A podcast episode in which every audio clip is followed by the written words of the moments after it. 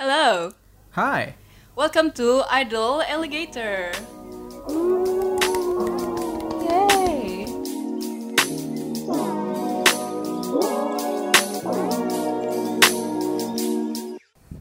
Shay, lu sering dapat berita hoax dari WhatsApp nggak? Jujurnya gue jarang sih, tapi kayak nyokap gue sering. Oh, gue juga jarang sih, um, kecuali ada grup alumni um, kita. Selain itu, gue pasti dapetnya dari either nyokap gue gitu loh, atau mungkin tante gue atau siapa. Dan tante ke gue nanya kayak Dream ini bener nggak ya? Ini hoax nggak ya? Atau kayak eh Dream tahu nggak kalau kayak gini-gini sebenarnya kayak gini-gini dan pas dia ngomong itu, gue kayak ya kali anjir gitu. tapi juga to appreciate her loh, dia kayak still try to confirm ini bener apa enggak ya gitu. Well, awalnya enggak. Aw- Awalnya kayak Dream jangan kayak gini-gini gini terus gue kayak bentar dulu, bentar. Itu dapat dari mana? Oke oke. And as time goes dia baru mau kayak oke jadi ini bener atau enggak gitu loh. Karena WhatsApp adalah salah satu sumber informasi yang paling sesat dan paling tidak reliable sih menurut gua. Broadcast-broadcastnya gitu kan. Emang lu denger apa hoax apa? Well, um, karena balik lagi tentang corona ya, gara-gara emang ini doang yang kita bisa bahas. Jadi pasti ada banyak banget berita tentang corona, how to prevent, gimana cara mengembalikan tubuh gitu, Um, gimana cara kalau udah kena gimana um, cara ininya dan emang menyebarkan informasi tentang cara pencegahan dan cara apa ya mensehatkan diri ya itu bagus gitu kan. Cuman kadang ini kayak misleading gitu loh. Jadi nggak 100% hoax, cuman misleading aja. Kayak contoh yang gue denger adalah um, dia panjang kan biasa WhatsApp broadcast kan panjang-panjang isinya. Terus dia ngebahas kayak tentang pisang itu adalah buah terhebat gitu karena dia bisa mencegah corona. Dia imunnya jadi kuat, dia menginduce antibody antibody ada di tubuh kita sehingga dia bisa melawan corona lebih cepat dibandingkan buah-buah lain. Terus kayak pas awalnya gue dibilang kayak dikasih tahu bukan bertanya ya dikasih tahu. Terus gue kayak bentar gue nggak pernah dengar dari WHO atau dari mana pun Iya. itu kayak pisang yang terbaik gitu kayak kalau gitu di tiap puskesmas atau tiap posko corona taruh aja pohon pisang gitu kan maksud gue kenapa nggak kejadian gitu kalau gitu. dan setelah gue pikir-pikir sebenarnya dia ngomongin ya pisang sehat kan Iya, that's the point sebenarnya. Kalau gitu sebenarnya buah apa aja bisa dong. Iya iya memang intinya adalah hidup sehat. Iya. Jadi antibodi kamu kuat untuk melawan corona karena sampai sekarang belum ada vaksinnya. Jadi antibodi adalah satu sa- anti atau imun sistem adalah yang paling bagus untuk melawan corona. Dan dengan dengan makan pisang, lu berusaha untuk menjadi hidup lebih sehat, makan pola makan yang lebih baik, ada nutrisi yang ditambah dibandingkan lu nggak pernah makan pisang contohnya gitu. Tapi jadi nggak salah tapi misleading gitu loh. Dan ada yang memang orang sampai ya udah tiap hari makan pisang gitu kan. Supaya dia kebal. Dan dia pede dengan makan pisang dia nggak apa-apa. Padahal kayak yang ya udah lu lebih kuat aja lebih sehat aja gitu Iya sih sebenarnya ini kayak tergantung lo bisa ambil silver liningnya atau enggak. Karena kalau misalnya pisang doang ya ya iya emang bener makin sehat dan secara tidak langsung lo tidak menyadari bahwa lo makin sehat gitu kan. Tapi sebenarnya kalau lo pikir lagi it's just being healthy aja gitu. iya makanya Ngomong tentang corona hoax, gue juga pernah denger tau yang lain. Tapi ini kayak Apa tuh? lebih what the hell lagi. Jadi kan kita tahu ya corona berasal dari negara mana. Terus Heeh. gue baca hoax gue lupa sih baca di mana kayak somewhere di, in- di Instagram atau apa gitu terus hoaxnya bilangnya gini em, jangan beli HP mm-mm. nanti kamu tertular corona gitu katanya jangan beli HP bermerek dari negara itu gitu kan Mm-mm. Nggak itu aneh banget sih menurut gue soalnya kayak pertama it's kinda racist ya menurut gue pertama itu terus kedua ya bukan berarti karena HP itu berasal dari that place terus lu bisa ngomong kayak ini ada coronanya segala macam. Iya dan kalau lu pikir dua kali lagi kayak kalau lu pikir sejenak saja itu. Kan corona ini kan virus ya bukan bakteri gitu. Dan virus kalau lulus SMA IPA atau IPS mungkin mungkin SMP juga udah diajarin kali ya kayak virus itu kan harus masuk ke dalam makhluk hidup di sel gitu kan. kalau dia nggak masuk ke dalam makhluk hidup dia mati dalam berapa detik doang gitu. Otomatis HP yang bukan makhluk hidup tidak mungkin bisa ada makhluk hidup di sana itu kecuali bakteri kan. Enggak, dia harus ibu tuh induk nggak sih? Iya dia butuh induk gitu.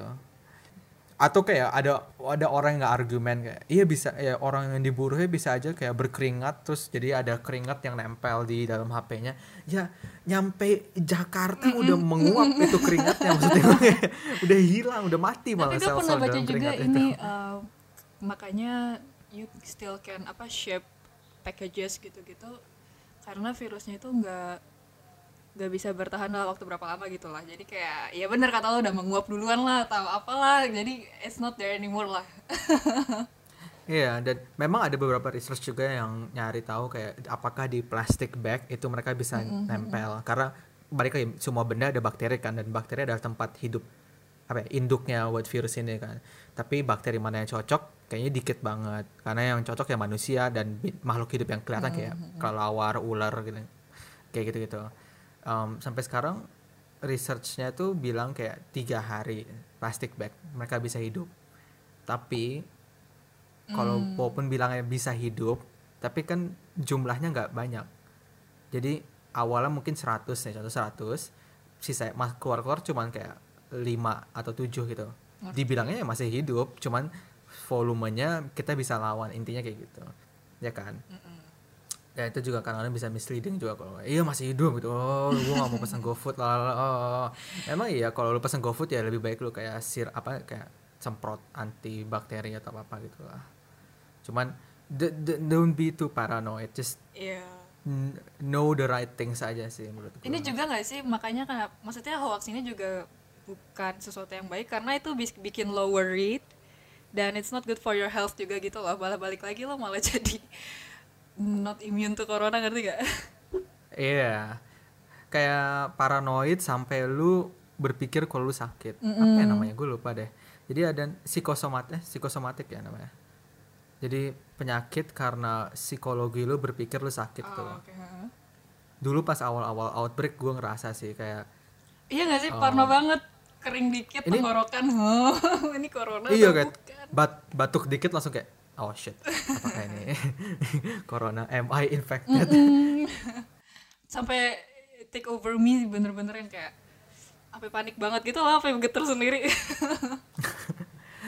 gue gue paniknya sampai ini sih. Jadi gue tuh ngerasa sesak nafas berhari-hari. Hmm.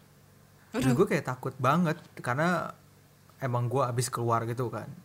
Tapi ya karena pikiran lu gue abis keluar dan kalau gue keluar kayak gue kena, jadi badan lu ngerasa oke gue sakit. Dan membuat diri lu sesak nafas sendiri padahal lu nggak ada apa-apa. Kayak ibaratnya lu berusaha merasakan nafas itu loh. Nafas kan sebenarnya kan otomatis kan, tapi kan lu bisa lu berusaha sadar lu bernafas gitu kan terus malah jadi iya. Gak jelas. Iya. Kayaknya paham.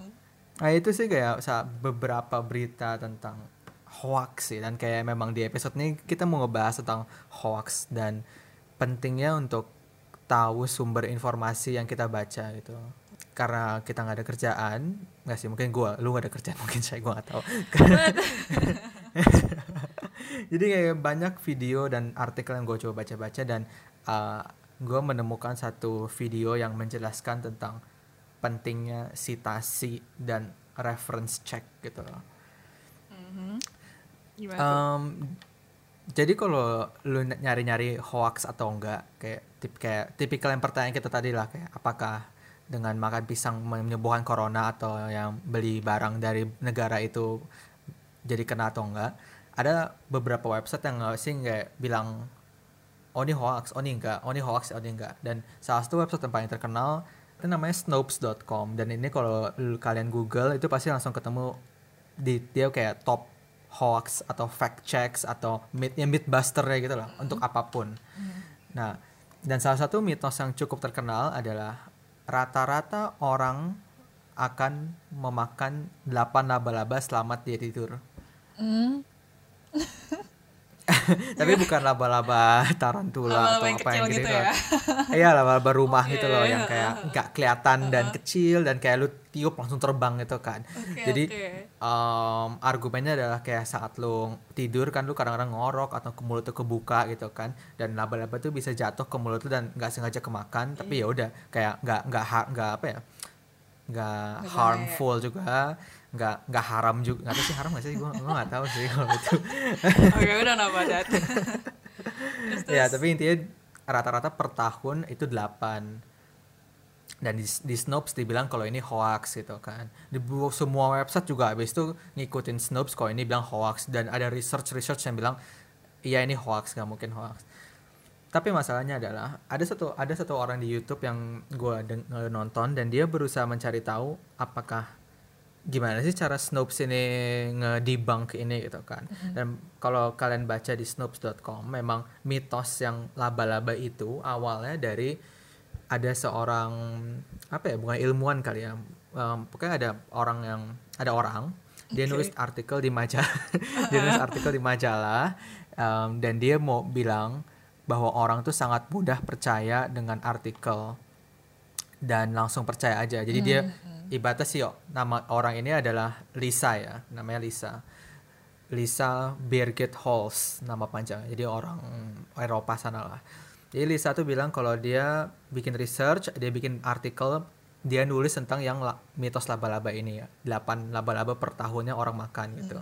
Orang langsung percaya padahal dia cuman ngomong doang, dia nggak ada basisnya. Di artikel yang dia bikin tuh nggak ada.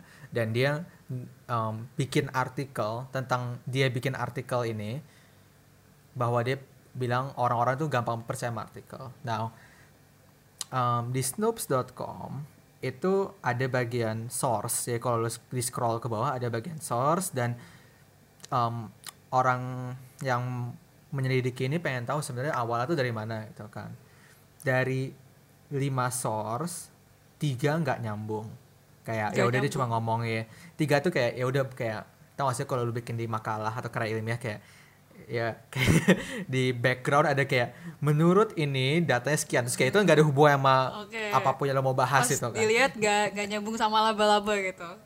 nggak ada hubungan sama mitos ini gitu. Jadi Oke. tiga nggak nyambung. Dua lumayan nyambung. Satu adalah tentang artikel yang si Lisa ini bilang. Jadi artikel yang bilang tentang artikel yang dia bikin jadi agak confusing. Bear with me. Um, satu lagi tentang buku namanya Insect Fact and Folklore jadi di- si Lisa ini bilang dia dapat mitos ini dari buku ini gitu yang um, kayak trivia gitu loh apakah benar atau tidak terus jawabannya Oke, tidak oke. gitu terus orang ini yang gue tonton tuh iseng dia beli buku Insect Fact and Folklore ini Wow. Dia beli. Niat banget terus. ya dia baca sampai habis dan nggak ada satu pun berhubungan dengan mitos itu.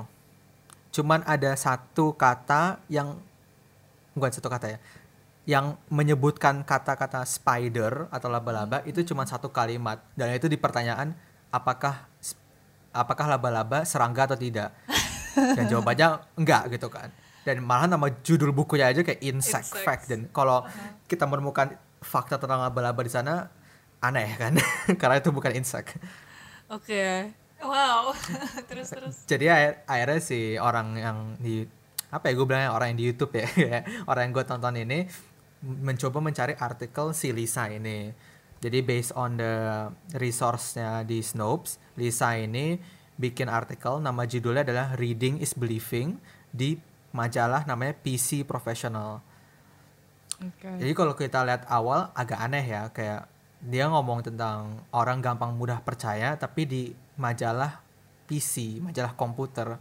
Dan dia eh, mencoba mencari tahu PC profesional ini yang mana. Karena kan kita nggak tahu negara apa nih, bukan Amerika, bisa aja Eropa di mana pun kan.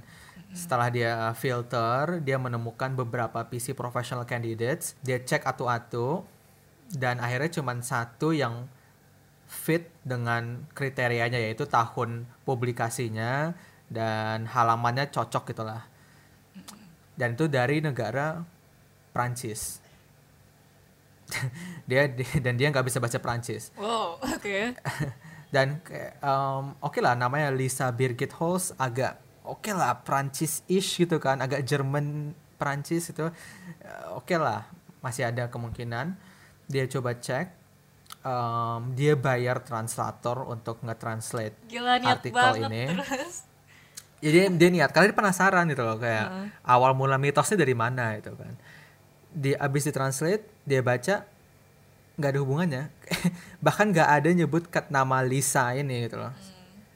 Dan ini membuat kita berpikir apakah nih orang bener atau enggak ada atau enggak sebenarnya enggak Oh. sebenarnya dia dia cuma mitos atau enggak gitu kan.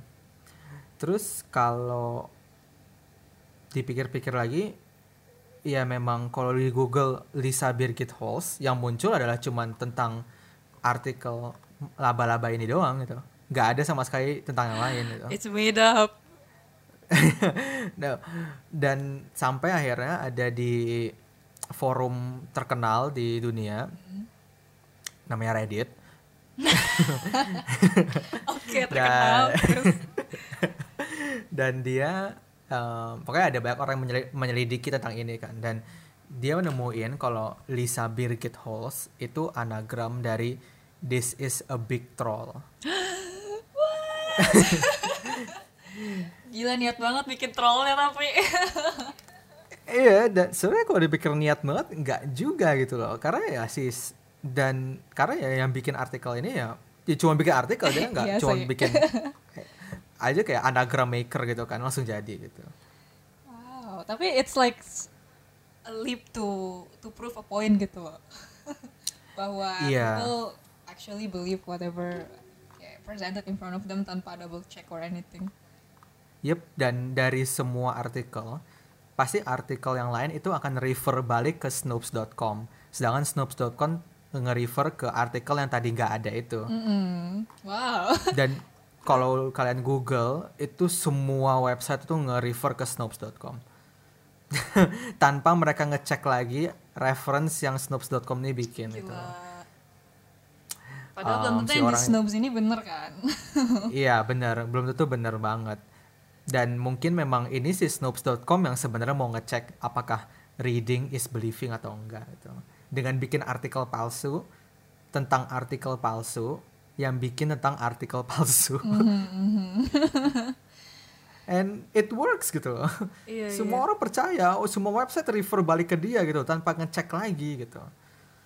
ini sih yang bikin kita mempertanyakan lagi emangnya our news platform tuh udah kredibel apa belum sih? Ya. Soalnya gue pernah baca juga nih, it reminds me of um, waktu itu apa ya, gue lupa apa itu artikel atau esai. Pokoknya itu dari suatu media informasi di Amerika sana. Gue subscribe gitu kan. Hmm. Terus gue dapat email kayak mingguan gitu, terus ada esai dan articles gitulah. Terus gue baca salah satunya, dia ngomongin tentang ini tentang um, how credible is our news dan sebenarnya bukan news doang sih kayak research dan study yang dipublish kayak sama ilmuwan-ilmuwan gitulah. Dia bahas tentang kajian-kajian yang ada di internet atau research yang ada di internet itu kan merujuk ke artikel lain. Tapi sebenarnya belum tentu apa yang dibilang artikel itu benar kayak yang Snopes tadi, exactly malah. Terus jadi kadang um, research atau news itu kan merujuk ke penelitian lain, tapi penelitian lain itu menga- mengacu ke penelitian lain, terus mengacu lagi ke artikel lain, ke artikel lain. Jadi kita bahkan it's it's like a long chain yang it's hard to track apakah ini benar atau enggak gitu loh.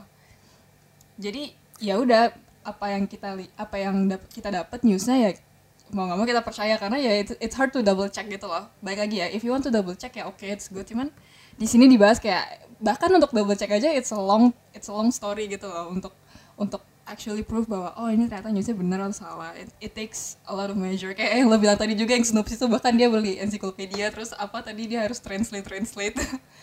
That proves it Iya, gitu. untuk nge- nge-proof kayak ini artikel ada atau enggak sih. Mm-mm. Jadi dia ngomongin itu terus kayak ya udah mempertanyakan seberapa kredibel sih sebenarnya our news platform dan berita-berita yang tersebar gitu. Ya apalagi kita kan mahasiswa ya dan kita banyak banget research, bikin artikel, essay, karya ilmiah dan ya udah kita segampang itu untuk ngetaruh di daftar pustaka ya udah ini dari sini dari sini dari sini tanpa kita ngecek lagi gitu. Tiba-tiba ada di site aja gitu, udah ada di daftar pustaka. Yup, tiba-tiba ada aja. Paling kita belum ngecek juga. Nah itu dia juga bahas tentang research itu kayak banyak research yang udah yang udah kredibel tapi ngajunya ada juga yang ke research yang masih amateur gitu loh yang yang mungkin mahasiswa atau segala macam. Karena kalau kayak kita research ya, baik kita engineering gitu kan dan researchnya tuh pasti sangat scientific kan. Mm-mm. Either kita ngelanjutin penelitian orang lain atau kita, gak mungkin kita tuh bikin sesuatu yang baru gitu. Pasti kita ng- ngikutin yang dulu gitu kan. Jadi saat kita refer, oh oke refer ke si A nih kan. Nah A ini nge-refer ke si B karena si B ini var- um, yang variasinya beda gitu kan. Dan si B itu ternyata nge-refer ke C. Jadi itu akan panjang banget untuk ngecek Yes. but it's a good thing to do gitu loh daripada kita nge apa ya citasi paper orang lain tanpa tahu orang lain ini bener atau enggak ngesitasinya gitu. Mm. Nah jadi Karena bisa iya. kesimpulan yang dia bikin belum tentu bener. Iya. Jadi kayak setiap research atau artikel itu punya derajat kebenarannya kali ya, derajat kebenarannya mereka masing-masing gitu loh. Cuman emang susah sih kalau research itu kan sangat scientific, jadi belum tentu bahkan our our understanding itu udah sufficient untuk mengconfirm bahwa ini benar atau tidak gitu Iya, kan. exactly. So Atau yang yang paling gampang deh, kayak orang selalu bilang kayak jangan ambil il- informasi dari Wikipedia karena itu Bisa bisa, diedit sama ya. semua orang kan. Tapi kalau sekarang sih menurut gue ya Wikipedia udah termasuk source of information yang reliable. Asalkan pinter ngambil informasinya. Karena Hmm. sekarang Wikipedia dan emang dari dulu sih Wikipedia selalu ngasih citasi gitu kan. Setiap dia ada satu kalimat dia pasti kayak ada angka gitu kan di belakang kalimatnya. Dan itu nge-refer ke satu reference yang lu bisa klik di bawah dan lu bisa cek dari sana langsung lu kayak Ctrl C Ctrl V aja terus find in page kalimat yang ada di Wikipedia dan tuh ada nyampe di paper itu atau research itu dan berarti itu legit gitu kan Iya iya, iya lu harus bisa filter nggak sih balik lagi kayak mana informasi Iya. yang emang ada citationnya ada, ada yang enggak. Soalnya kayak gue juga pernah edit di Wikipedia gitu loh sama teman-teman gue, tapi bukan something yang serius sih. Gue nggak tahu apakah orang berani untuk ngedit something yang bener-bener history atau apa. Soalnya gue editnya karena ya- something not important.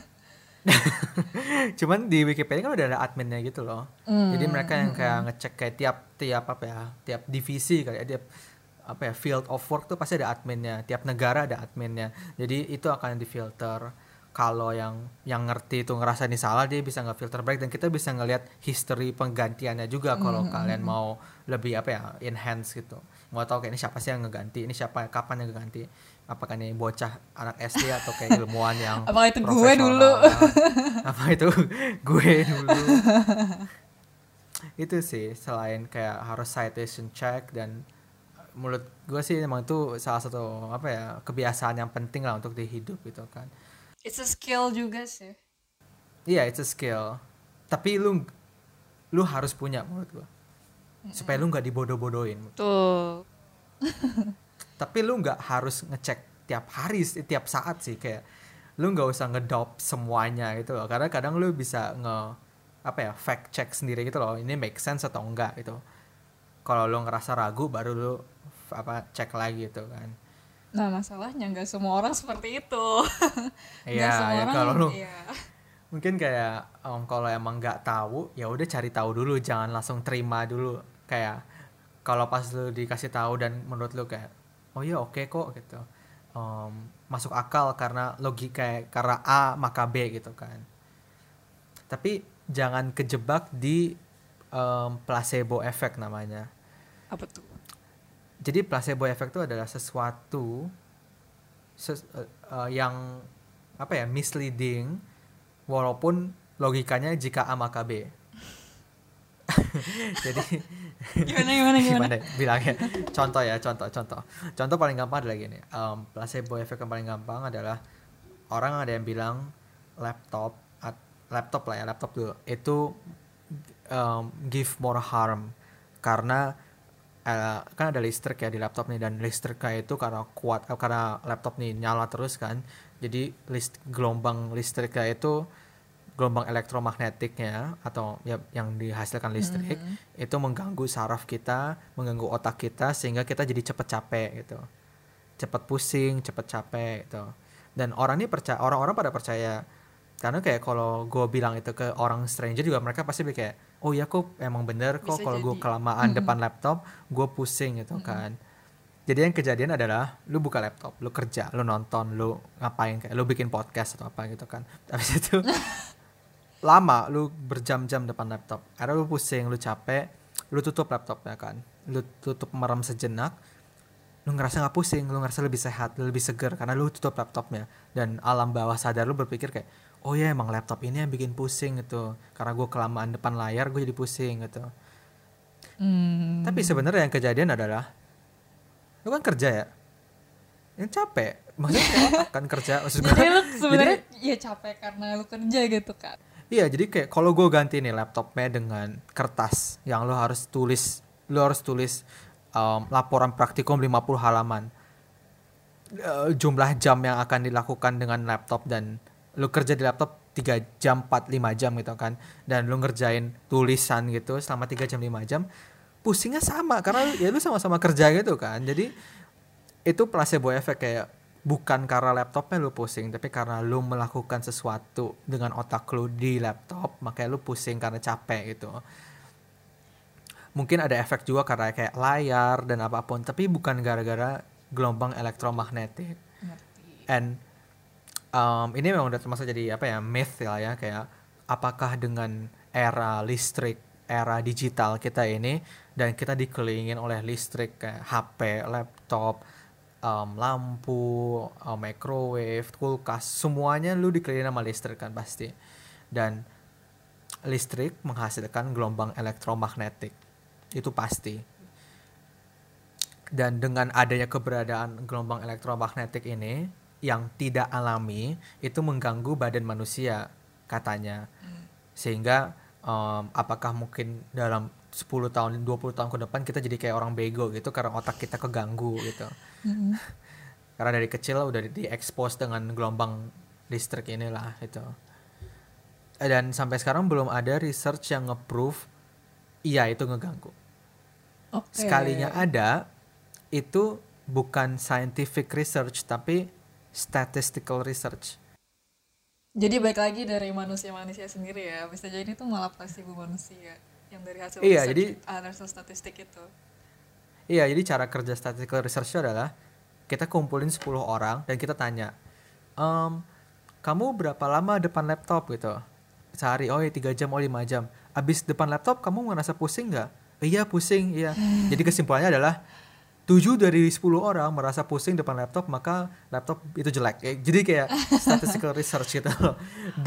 Oke dari itu proof bahwa emang kalau lama-lama di depan laptop jadi lu pusing gitu kan. Tapi bukan berarti karena the wave gitu kan dari laptopnya. Eh, Iya, bukan berarti karena listrik gelombang Iya. elektronik atau apa pun ini gitu kan.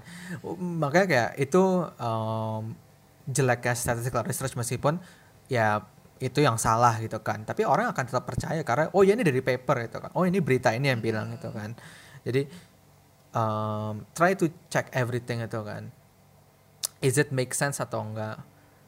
That's why it's so powerful juga dan bahaya banget juga sih kayak in the news karena gue juga baca sempet um, bahwa sebenarnya kalau misalnya orang udah baca hoax atau bad news tuh gak bisa diandu gitu loh kayak it's it's Iya. in your brain always walaupun lo udah tahu kebenarannya tapi kayak the suggestion is always there akhirnya terus muncul placebo effect Iya, contoh yang untuk kayak gitu ya, yang paling banget orang-orang percaya adalah kalau kalian tinggal dekat sutet, ah em, yang tegangan tinggi, pasti pusing, mual, em, kemungkinan impoten, kemungkinan gagal apa pun lah di badan lu gitu.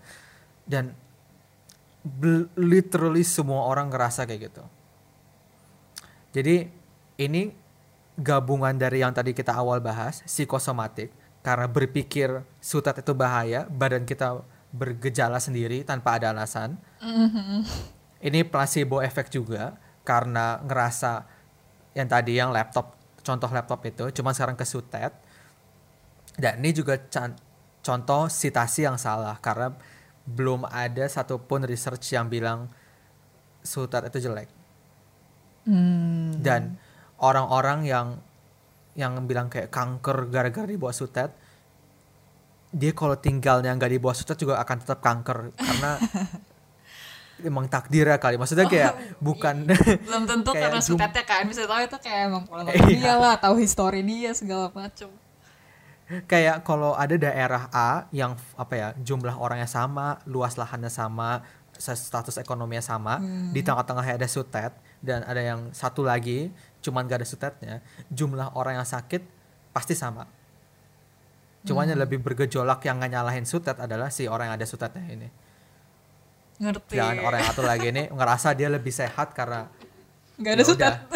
nggak ada sutet. Tapi dia mungkin melakukan sesuatu yang nggak sehat karena dia ngerasa dia udah sehat tinggalnya. Jadi ujung-ujungnya jumlah penyakitnya juga sama gitu. Dan kalau lu pikir untuk sejenak kenapa sih elektromagnetik ini bahaya yang sebenarnya nggak bahaya? Karena kalau masih ingat di SMP atau di SMA gue nggak tahu. Um, glo- apa ya frekuensi itu kan sebenarnya yang penting ya. Kayak um, kalau lu ronsen atau X-ray keseringan nggak boleh bahaya kan? Karena X-ray itu frekuensinya tinggi. Gue lupa frekuensi atau panjang gelombang ya. Frekuensi setahu gue sih. Frekuensinya tinggi panjang gelombangnya pendek gitu kan. Nah karena tinggi frekuensinya jadi X-ray itu bahaya. Sekarang gelombang elektromagnetik itu frekuensinya lebih rendah dibandingkan gelombang cahaya dan gelombang cahaya ya, ya kalau kita nggak ada gelombang cahaya kita nggak bisa lihat gitu dan dan kita udah ke expose itu ber, berjuta-juta tahun iya. yang lalu gitu loh dari dari apa ya Big Bang pertama ya udah ada itu gelombang gitu and we're fine and we're fine gitu kan. Jadi kok ada gelombang gelombang elektromagnetik yang jauh lebih kecil frekuensinya, mau kita apa ya? um, kita tambahin nih gelombang elektromagnetik sampai frekuensinya tinggi, nggak kan nyampe gelombang cahaya gitu frekuensinya. nggak sah And- nggak harmful ya Iya, dan kalau gelombang cahaya nggak harmful ya otomatis ya ini nggak harmful juga gitu loh. ngerti Meskipun masih butuh beberapa research ya, tapi ini kayak logika fundamentalnya gitu loh, kayak kenapa ini jadi masalah kalau gelombang microwave aja lu nggak ada masalah gitu loh. oke oke menarik banget. Jadi ya fact check, citasi, um, hati-hati sama psychosomatic disease dan apa ya terakhir? Placebo effect. placebo effect. Seperti biasa. If you guys have any feedback about our topic atau apa yang kita bicarain hari ini boleh komen di comment section below atau kalau mau request topik ya atau DM kita, chat kita, feel free karena kita butuh topik dan kita butuh guest star. Kalau guest star tuh ya kita nggak nggak mikir gitu. Jadi biarkan guest star yang berbicara. Nggak bercanda.